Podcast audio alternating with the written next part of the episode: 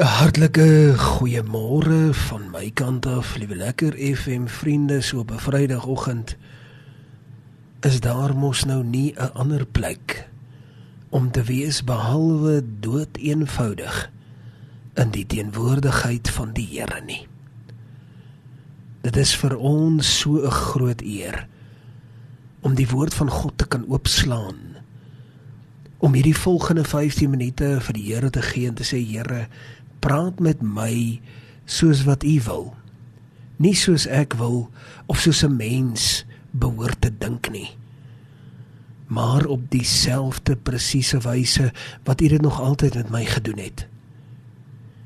Is dit nie dalk vir môre tyd, liewe lekker FM vriende, om vir die Here te sê, Here, ek wil 100% gehoorsaam wees aan hoe U vir môre vir my lei nie. Ek wil jou vra vir môre om jou hart oop te maak. Ek wil vir môre 'n beroep op jou doen om te sê, Here, bring U regterhand en kom skuwe wat U wil skuif. Here kom stel en verstel net soos wat u graag wil. Here u kan kom snoei want u het die skêr in die hande. Miskien is dalk nodig om vanmôre te sê voor hierdie naweek afskop om te sê Here ek steek my hand op en ek is hier. Ek wil graag hê dat u met my kom praat. Ek wil jou vanmôre aanmoedig om jou Bybel nader te bring. Ons gaan lees hier uit 1 Kronieke die 22ste hoofstuk daarvan vers 18 af. Maar ek wil jou geleentheid gee om jou Bybel te gaan haal. En ons gaan saam blaai en ons gaan lees hier swart op wit. En jy gaan sommer jou pen of 'n potlood ook naby hou en ons gaan 'n paar notas neerpen, die datum neerpen. En ons gaan die Here vertrou dat die Here vanmôre in Rema met ons sal praat. Want ons weet mos die hele skrif is ingegee ons verstaan dat die oomblik wanneer die woord in my lewe posvat, die oomblik wanneer die woord van God ontkiem, dan is daar 'n baie groot reaksie in my hele bestaan. Dit is ook my gebed vandag vir jou, liewe lekker FM vriend, dat wanneer die woord gelees word, dat dit iets sal wees wat jou gees kom vernuwe want die woord van die Here is net so kragtig. Want onthou, ons weet mos dat dit Jesus self was wat die woord was wat vlees geword het. Daarom weet ons die krag wat die woord van God inhou is 'n saak wat nie eintlik in woorde omskryf kan word nie. En as jy vandag by die Here iets wil weet, maak 'n punt daarvan om saam met my hierdie volgende 15 minute te spandeer in sy teenwoordigheid. En ons gaan saam lees. En direk nadat ek gelees het, gaan ek ook vir die woord bid en vertrou dat iets kosbaars ook in jou gees sal posvat. Kom ons lees daaruit 1 Kronieke hoofstuk 22 vers 18 en 19. Luister baie mooi. Was die Here julle God nie met julle en het hy julle nie rondom rus gegee nie. Ja. Hy het die inwoners van die land in my hand gegee. En die land is voor die aangesig van die Here en voor sy volk onderwerp. Rig nou julle hart en julle siel daarop om die Here julle God te soek en maak julle gereed en bou die heiligdom van die Here julle God. Tot sover die woord van die Here. Kom ons sit net so. Dan sluit ons die oë, dan bid ons saam. Hemelse Vader, dankie vir u woord. U woord is kragtig. U woord is daar tot stigting en lering en teregwysing. Dankie Here dat ons onmiddellik ervaar dat u besig is om op 'n baie spesiale manier ons harte te kom aanraak. Seën ons lekker FM luisteraars in Jesus naam. Amen. En amen. Liewe lekker FM vriende, ek wil graag 'n titel as ek mag en vir jou oorweging. Wil ek baie graag 'n titel koppel vir môre aan hierdie oggendoordenkings en wil ek sê bou nie breek nie. Wees getrou teenoor die Here in alle fasette. Wees getrou want was die Here nie getrou nie. Hier in hierdie woord raak ek opgewonde.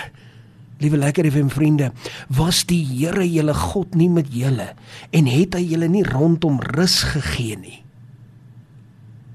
het hy nie deurgekom toe dit nodig was nie. Het hy nie rus gegee nie. Ja, hy het die inwoners van die land in my hand gegee en die land is voor die aangesig van die Here en voor sy volk onderwerp.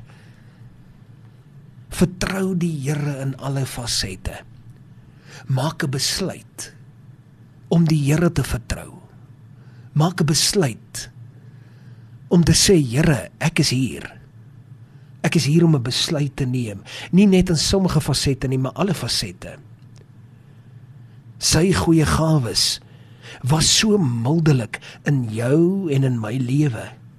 Toe die nood groot was, het die Here nie dalk 'n deurbraak in jou lewe gegee nie toe daardie nood aan die voordeur klop, toe die nood op die voorstoep intrek, toe hy daar op die rylaan ingery kom en parkeer en die en afsluit en handrem optrek. Was die Here nie daar nie? As die Here dan daar was en jy en ek kan getuig en jy weet dat die Here daar was, is dit nie dalk nou tyd soos in vers 19 rig nou jou hart en jou siel daarop om die Here jou God te soek en maak julle gereed en bou die heiligdom van die Here julle God. Jy sien liewe lekker hê en vriende ons vergeet baie maklik. Ons as mens het 'n uitsonderlike geheue, 'n selektiewe geheue ons onthou wat ons wil onthou en skielik onthou ons nie wat ons nie wil onthou nie. Maar ek wil vandag in jou gees inspreek. Ek wil binne in jou hart in praat. Ek wil in jou binne mens in roep. En ek wil uitdawer. Toe jy hulp nodig gehad het met jou kind en 'n saak beroerd en hopeloos gelyk het en so gedraai dat jy nie geweet het of jy aan die ander kant sal uitkom nie. Was die Here jou God nie met jou soos in vers 18 nie? Was die Here nie daar om die nodige te gee, om die rus te gee, om die saak op te klaar nie? Is dit nie dan nou die tyd om te sê rig nou jou hart en jou siel daarop om die Here jou God te soek nie? Om die bouwerk aan sy heiligdom te voltooi nie? Het ek nodig om jou te herinner toe dit nodig was in jou huwelik aan skerwe gelê het. Toe jy uitgeroep het en gesê het Here red my huwelik. Here Here. Wat het die Here gedoen? Was die Here julle God nie met jou nie en het julle nie rondom rus by die Here ontvang nie? Het die Here nie die vyand voor jou laat sneuwel nie? Het die Here nie die saak uitgetel en uit die moddersluike uitgerig nie? Hoe sal jy nou skielik daarvan wil vergeet Miskien moet jy dalk vandag hoor rig nou jou hart en jou siel daarop om die Here te soek met alles binne in jou en maak jou gereed om te bou aan die heiligdom van die Here jou God. Sal ek jou dalk vanmôre aan 'n paar ander dinge herinner? Jy weet in die oomblikke toe dinge baie moeilik geraak het. Toe daar onmin skielik op jou voorstoep was in jou sakebelang in jou werksomstandighede Die oomblik toe jy by die voordeur van jou werk instap of in die vergadering instap en jou mond instinktiewelik kurkdroog geraak het. Toe daar skielik 'n vreeslike vrees oor jou gekom het. Toe daar 'n angstigheid jou beet gepak het. Was die Here jou God nie met jou? en het vir jou rus kom gee en het die saak uitgesorteer en het met sy groote almag doeteenvoudig die saak gedissekteer en hierdie kant toe geskuif daardie kant toe geskuif hier gestop daar gevat en die volgende oomblik toe jy weer sien is dit uitgesorteer nie hoekom sal jy dan nou terugtrek liewe lekker FM vriend as jy vandag ingeskakel het en jy's deel van die duisende wat op hierdie stadium 98.3 luister. Miskien dalk is jy in hierdie plek. Miskien is jy op hierdie plek. Op die einste plek. Waar jy nou nodig het om te sê ek rig my hart en my siel na die saak van die Here. Ek wil graag die heiligdom bou.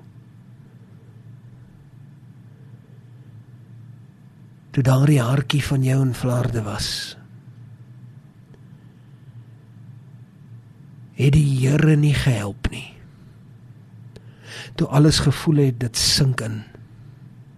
En daar is nie meer antwoorde nie.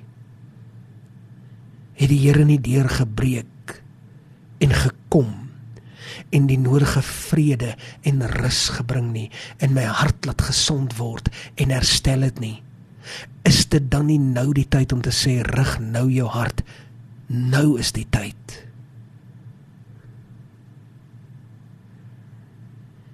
het die Here jou nie toe jy 2 uur in die môre geween het van die hartseer toe die trane vrylik gevloei het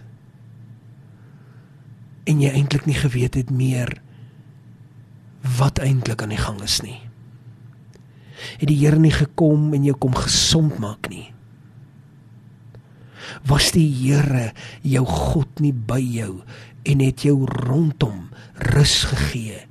En ja, het die Here nie die vyand in jou hand gelewer en jou sak herstel dat jy nou sal terugtrek en nie lojaal sal wees nie dat jy skielik daardeur die heiligdom in die saak van die Here breek is dit nie dalk tyd om te bou nie is hierdie nie dalk die oomblik om te sê Here ek wil graag bou hoe gaan ek bou ek gaan die saak van die Here as nommer 1 prioriteit gaan ek daar stel nie. Wees getrou teenoor die Here in alle fasette, nie net een of twee nie, in elke iedere faset. Al is dit vir jou hoe moeilik, al is dit vir jou hoe duur, al is dit vir jou hoe ongemaklik, Wees getrou in alle fasette want was die Here jou God nie met jou en het jou rondom rus gegee en die vyand in jou hand oorgelewer toe dit nodig was nie. En nou dat dit nodig is dat jy moet opstaan is ons baie maal geneig om dit nie te doen nie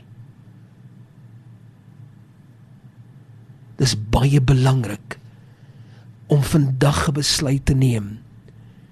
Want sodoende bou ons die Here en daardeur is dit 'n goddelike kringloop en jy sal weer en weer en weer die voorsienende voorspoedige en die seënhand van die Here ervaar nie. En jy gaan eenkant staan en jy sal nie glo hoe die Here dood eenvoudig weer elke liewe saak in jou lewe herskik nie. Tot sover die woord van die Here. Kom ons sit net so. Dan sluit ons die oë dan bid ons saam. Hemelse Vader.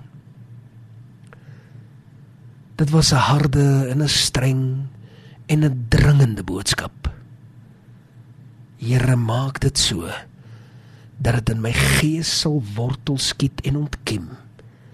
Is my gebed in die naam bo alle name Jesus Christus van Nasaret. Amen. En amen.